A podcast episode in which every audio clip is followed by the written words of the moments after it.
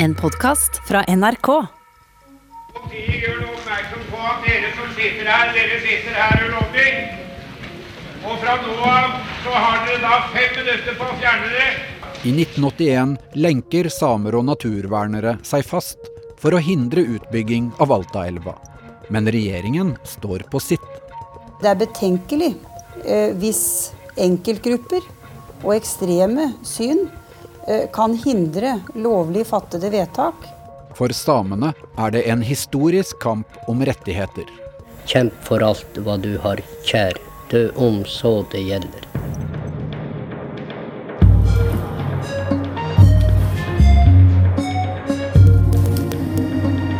Dette er den tredje og siste episoden av dokumentaren om Alta-aksjonen av Randi Lillealteren.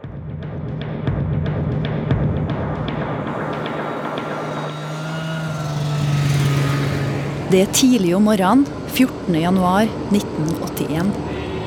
På anleggsveien i Stilla utafor Alta sitter 1000 mennesker lenka sammen i militærtelt, lavvoer og snøborger. Målet deres er å stoppe utbygginga av Altaelva. Og når polisen må gi opp, og når polisen må gi opp, Jeg står her på en fjellskrent som jeg krabbet opp på, derfor er jeg litt andpusten. En fem-seks meter over disse teltene. Under meg sitter demonstrantene rundt bål. De synger og øh, venter vel på at politiet skal komme og bære dem vekk. Like etter klokka ni kommer 600 politifolk kjørende på snøscootere, i biler og båndvogner.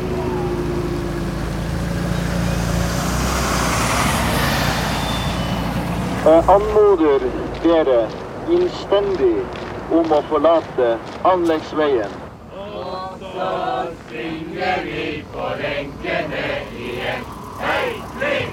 Dere får to minutter på dere til å følge pålegget og frivillig fjerne dere. Ordren fra politimesteren blir oversatt til samisk. Ajobetal sa minusta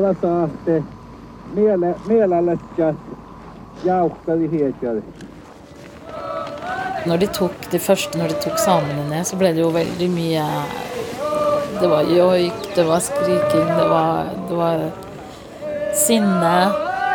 Den 22 år gamle studenten og miljøaktivisten Lotte Ruge sitter i et av de bakerste teltene. Fremst i politihæren står Inge Sundeng. Så nå skulle vi jo prøve det vi hadde øvd på. Inge er i gruppa av politifolk som går inn først. De er spesialtrent på å kutte lenker. Og så var det da en lavvo. Men den lavvoen som satt der, den var innpakka i snø og is. Og det var surra også eh, hønsenetting. Da vi først fikk hakka oss gjennom og kom gjennom snøen og isen der, så da kom generalprøven vår, for dem, De satte kjetting der inne. Og de begynte for et kvarter siden å fjerne demonstranter, og de tok da først for seg eh, de samene som eh, har holdt til i lavvoene foran nullpunktet, altså framfor isbarrikaden. Det gikk veldig fort. Det var jo hoiing og skriking, så klart, men det var jo ikke noe sånn bråk, ikke noe slag, spark. Det var passive demonstranter. Så begynte de å si 'ja, vi elsker'. Alfred Nilsen leder demonstrasjonen. Og det smitta jo så hele leiren sang 'ja, vi elsker'. Og selv om vi var kappa oss og svettende sila, vi, så, så var det flere hundre politifolk som skulle som sto og frøs og tråkka i beina. Men da de så at dette her gikk smidig og fort og raskt for seg, så, så fant de ut da begynner vi å rydde. Så da reiv de alle teltene. Så alle demonstrantene ble sittende ute i friluft. Og de klavene Vi hadde jo egentlig gjort en tabbe. Vi hadde jo et sånt mål av folk på sommertid. Og de klavene ja, var jo så jævlig trange når de hadde pressa dem ut på at de hadde Når politiet kommer fram til demonstrantene som sitter låst fast i klaver, går det ikke like raskt lenger. I den låseklaven som var formet som nærmest som en T, som holdt armhengsjernet sammen, som var i skrittet, der hadde da en arkitekt av noe slag lagd en egen skrue som blokkerte låsemekanismen. Hvor det hadde lagd et eget verktøy for å kunne løse opp denne, der, denne skruen. Og det hadde ikke vi. Kom de, kom de med skjærebrennerne og satte en sånn skjerm eller vet hva det var, under kamjernet. Og begynte å, å skjære, da. Uten nøkkelen til låsene sliter politiet med klavene. Men Da gikk de rett bort til han som hadde nøkkelen i sin høyre sko, og tok høyre skoen av han. på et eller annet vis har politiet fått vite hvor nøkkelen er. Folkeaksjonens hemmelige våpen, klaver i kraftig kampstål, holdt ikke stand mot politiets verktøy i Stilla i natt. Klokka ti i går kveld var det bare den harde kjerne av demonstranter igjen på nullpunktet. De som satt sammenlenket i klavene. Nei, vi var jo oppgitt på en måte. Liksom. Vi hadde jo gjort Prøvd å overbevise på alle mulige måter å mobilisere og Men vi hadde jo satt oss fore å, å gjennomføre. Det var sterkt. Det var det. Det var flere som gråt. Ikke fordi de var redde, men fordi ble sånn, overmakten ble så sterk. Hele den politihæren kom opp. Rundt 900 mennesker blir båret vekk fra demonstrasjonsleiren på nullpunktet i Stilla denne januardagen. Ingen av dem gjør fysisk motstand. Hvis noen av folkeaksjonistene hadde slått eller prøvd å sette seg til motverge på den måten, så har helvete vært løs. Det er jeg bra sikker på. Men ikke én. Ikke en eneste en. Og når du vet på alle de krangelfantene som var der, så er det et under. Jeg husker at jeg ble skåret løs. Jeg var en av de første. Og at jeg ble båret bort til en bil. Og mer husker jeg farken. Jeg vet ikke hvor jeg var og ble registrert. Og ikke hvordan jeg kom meg hjem. Jeg husker at jeg våkna dagen etter. Hvor stor bot fikk eh, du? Jeg fikk på 3000. Ja, jeg spurte henne hva som ville skje neste gang jeg kom hit. Så sa hun at da ble jeg putta i ble jeg sitte inne 20 dager eller noe sånt. Men øh, du syns ikke det da er såpass alvorlig at du lar være å demonstrere? Jeg syns det er verdt det. Like før klokka halv tolv i natt så man slutten på demonstrasjonene i Stilla. Da den siste demonstrant var løst og transportert bort, var også første fase av politiets aksjon avslutta. Ikke før var siste demonstrant kjørt vekk før anleggsmaskinene starta opp og veien forbi nullpunktet ble rydda for snø.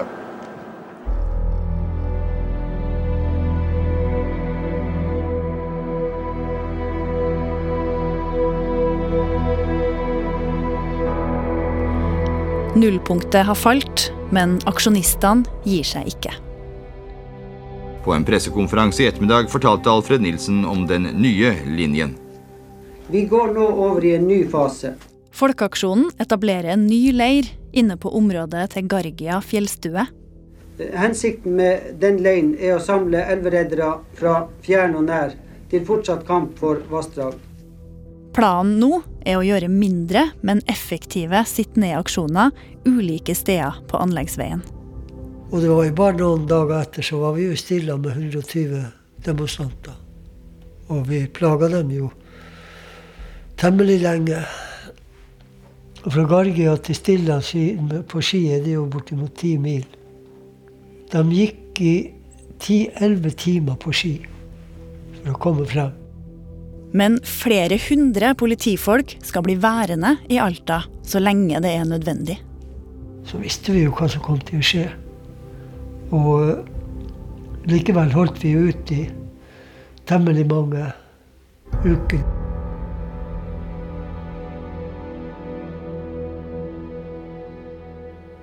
Ei uke etter ber ei gruppe samer om at statsministeren griper inn og stopper anleggsarbeidet, og krever samtidig at samene skal få sitt eget folkevalgte organ. Vi kjemper jo for den samiske nasjonen. De blir ikke hørt, og går til en ny sultestreik med Mikkel Eira i spissen. Det heter jo et gammelt ordtak som sier Kjemp for alt hva du har kjær, dø om så det gjelder. 3. februar 1981 tar Gro Harlem Brundtland over som statsminister. Hun tar imot ei gruppe samekvinner til et møte på kontoret sitt.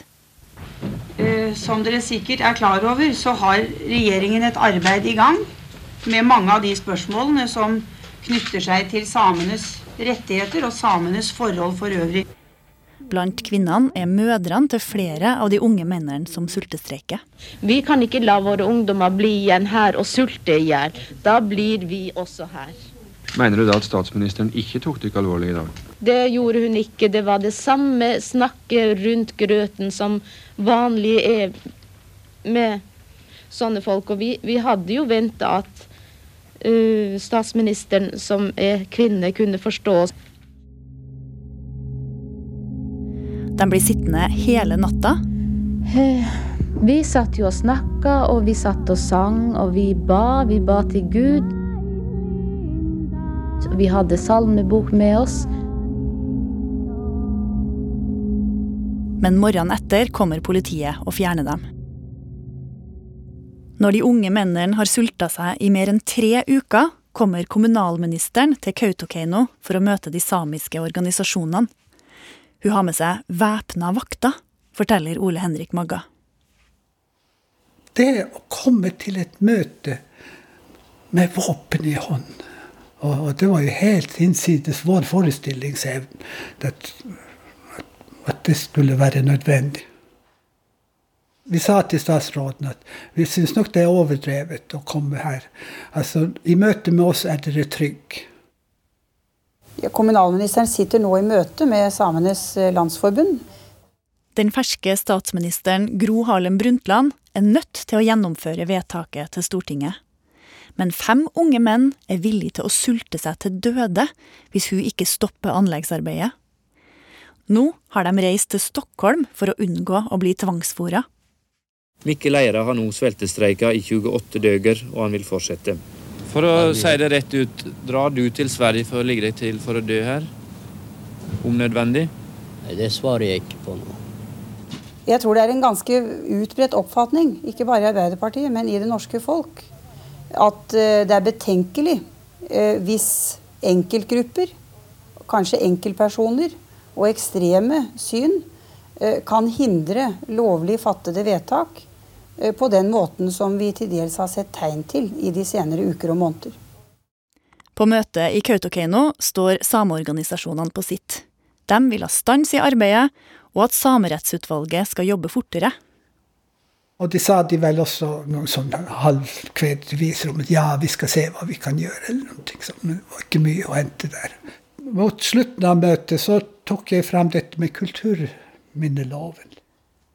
For har egentlig regjeringa sørga for at samiske kulturminner er ordentlig undersøkt der veien og demninga skal bygges? Etter noen timer med hektisk ringing og møtevirksomhet viser det seg at nei, kulturminnene må kartlegges bedre. Og det endte med at eh, regjeringen, altså anleggsarbeidet, stoppes for at man skal undersøke kulturminnene nærmere. Og da kunne vi sende telegram til de sultestreikende i Stockholm. var de kommet til da. Nå har dere vunnet. Anleggsarbeidet er stoppet. Stopp sultestreiken. Når sultestreiken avblåses etter 31 dager, er tilstanden kritisk for flere av de fem som har sulta seg.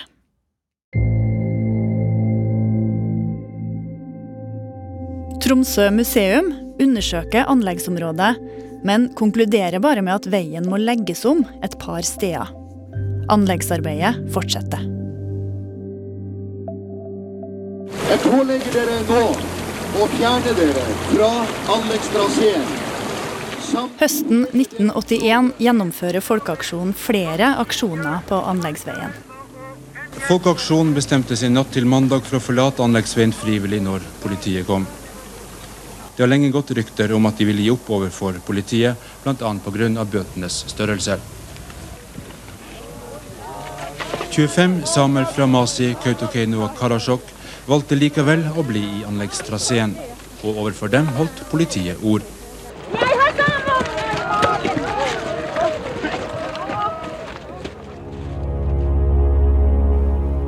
Det som vi registrerte, var jo at det var de samme som gikk igjen.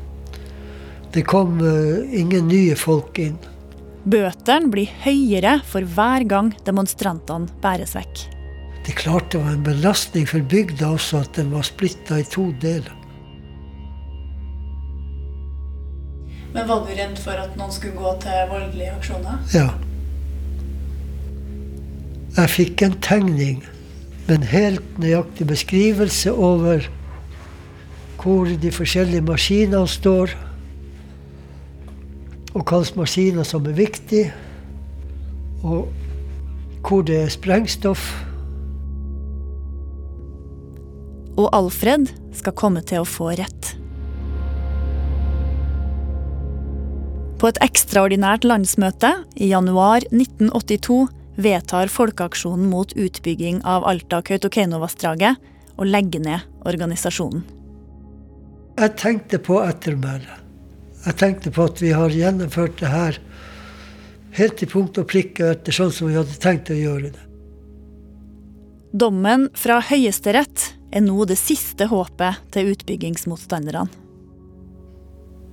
Mange hadde vel trodd på den høyesteretten, at, at den kanskje kom til å stoppe det hele og si at det her er samisk område, og, og at man ikke kan, kan gjøre det. Sier sameaktivisten Niljas Somby. Samer har tidligere opplevd å bli forstått i Høyesterett.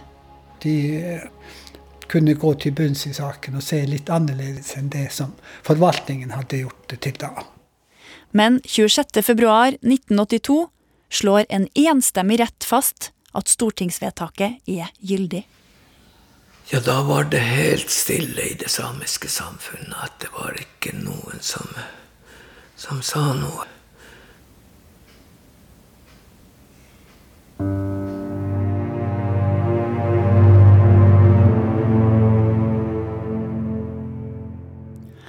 Alt håp om å stoppe utbygginga av Altaelva er ute.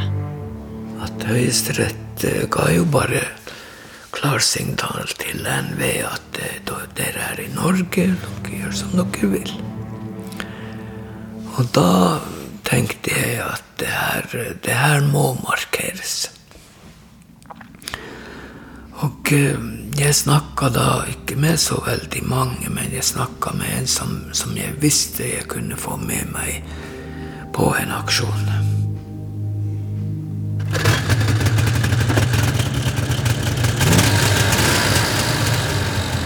En natt i mars 1982 hiver Nilja seg på scooter sammen med en annen sameaktivist.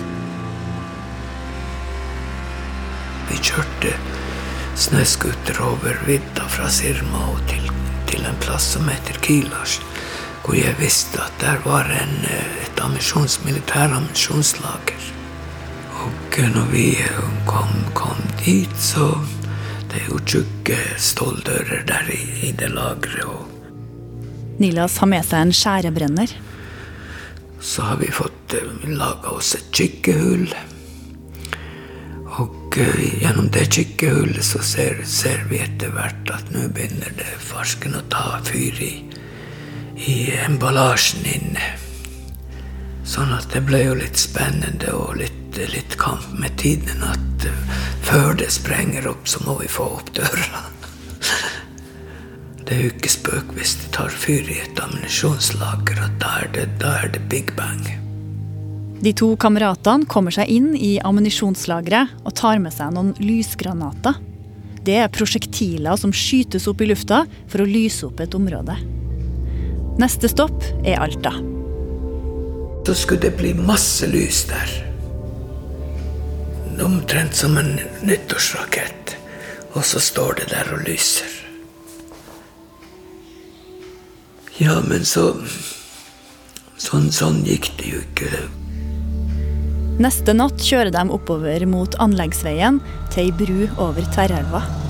De har med seg to dynamittgubber som skal utløse lysgranatene, og ei vekkerklokke for å stille inn tidspunktet for sprenginga.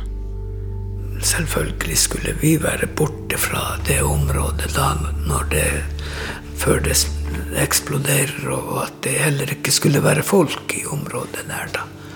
Men det er iskaldt på fjellet, og vekkerklokka stopper. Men det er ikke så farlig. Jeg har, jeg har nytt batteri i lomma, og den er både varm og, varm og ny. Sånn at jeg tar bort det her batteriet fra, fra vekkerklokka, og bang. Da sprenger det. Og da kjennes det som at, at jeg er en slåball som du slår. Jeg blir slått i, i lufta. og og tenkte at ja, ja, det her var, det her var nok en på mitt liv. Kameraten kommer løpende og binder et skjerf rundt armene hennes.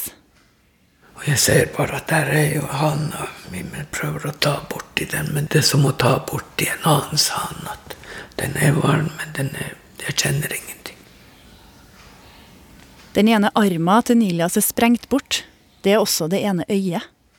Kameraten får Niljas til sykehus. Etter å ha blitt operert på sykehuset i Tromsø, bærer det rett i fengsel. Niljas og kameraten blir sikta etter mordbrannparagrafen. Strafferamma er 21 års fengsel. Når jeg er ferdig med 21 år, så er jeg en gammel mann som kommer ut her. Jeg tenkte da mest på mine små døtre, som da måtte leve med at en, en far som bare er i, i fengsel. Etter fem måneder i varetekt slippes Nilias fri i påvente av rettssaken. Men han vil ikke ta sjansen på å bli sittende mange år i fengsel. Gjennom arbeid med urfolks rettigheter har han blitt kjent med urfolket i Canada. Via deres nettverk greier han å få i stand en avtale.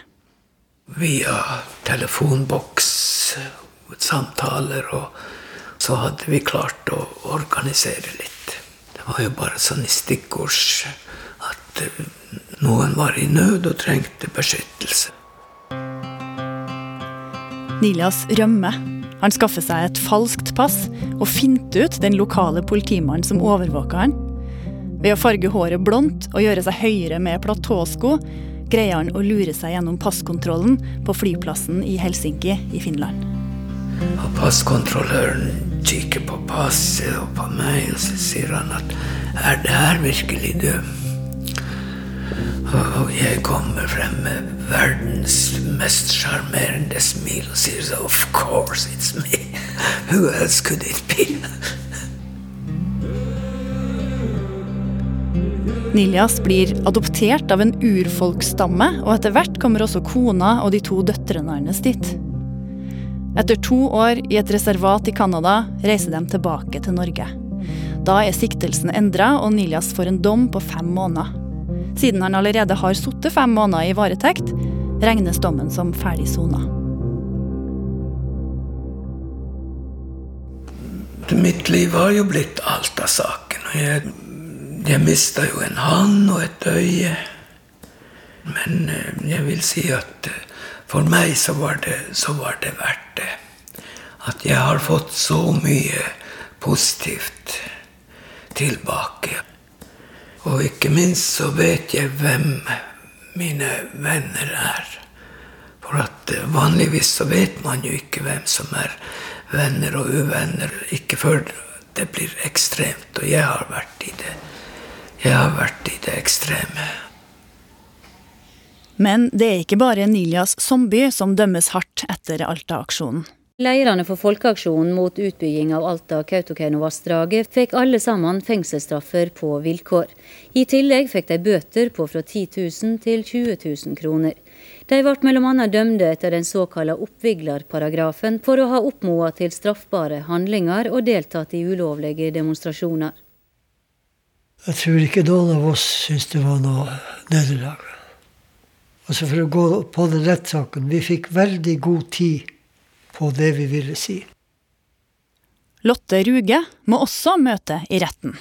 Alle vi som hadde vært der, vi var ute og inn i rettssaler for å, for å prøve å få bota litt ned. Og vi brukte jo rettssalen også som en sånn talerstol, da.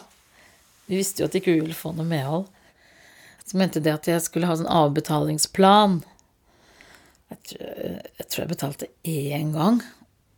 Men ikke alle vil betale bøtene sine, og flere aksjonister må i fengsel. Etter Alta, etter at vi tapte hele dette her, så mista jo miljøbevegelsen et, veldig mye folk. Folk mista trua, rett og slett.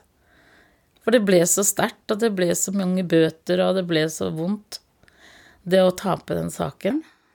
Miljøbevegelsen ble veldig knekt av det her. I 1983 er bygginga av demninga i Altaelva godt i gang. Men for å komme seg ned til bunnen av kløfta for å bygge den 110 meter høye dammen, sprenges det nå tunnel i spiral nedover inne i selve fjellet. Boremaskinene gir seg sakte, men sikkert lenger og lenger ned. Sju meter på skiftet, 12-13 meter hver dag.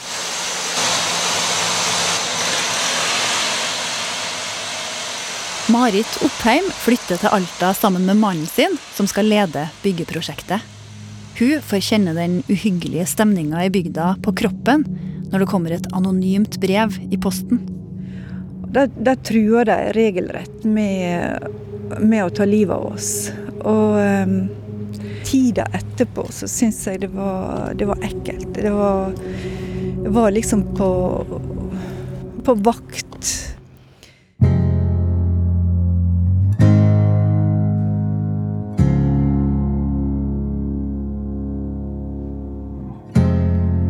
mai 1987 settes Alta kraftverk i drift. Det er galt å gå og si at elva er, er, ødelagt, men det er jo ikke den elva som det var før, som var uregulert. Og var et mønster av en lakseelv som kunne vært tatt vare på for ettertida. Mer enn ti år med motstand greide ikke å hindre at Altadammen ble virkelighet. Men bare tre år etter åpninga, i 1990, innrømmer statsminister Gro Harlem Brundtland at utbygginga var unødvendig.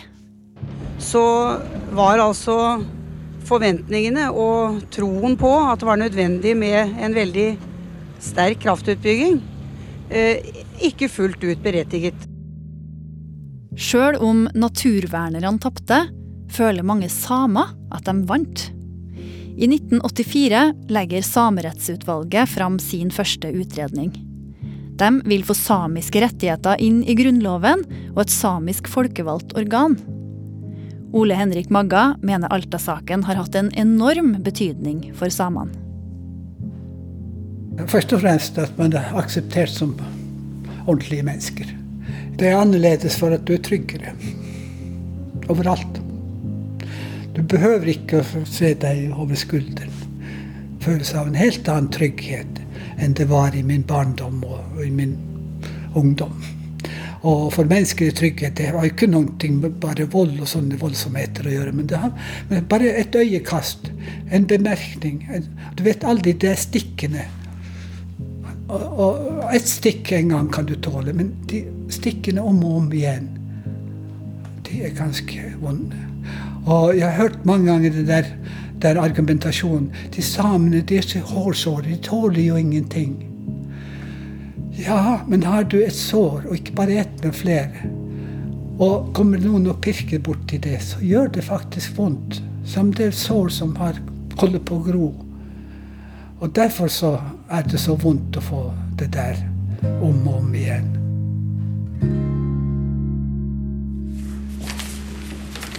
Jeg ber Gud signe Sametingets gjerning og erklære det første ordentlige sameting for åpnet. Vi vil gjerne be Deres Majestet om å signere her til minne om åpningen.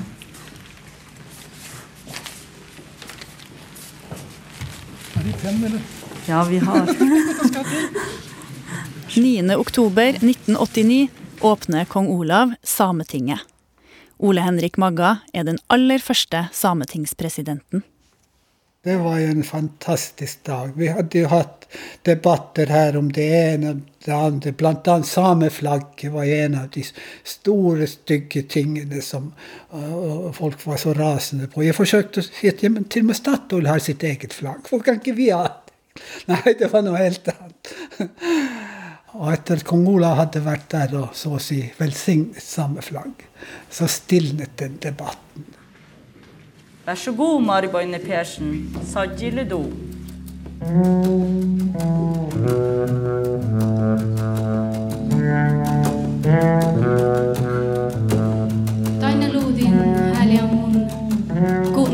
Tantjersake, loja i ja tässä outal, tjohkaneke, störradikki, olkopelläji. Jeg har lyst til å tilegne denne melodien de sju som for nøyaktig ti år siden satte seg foran Stortinget.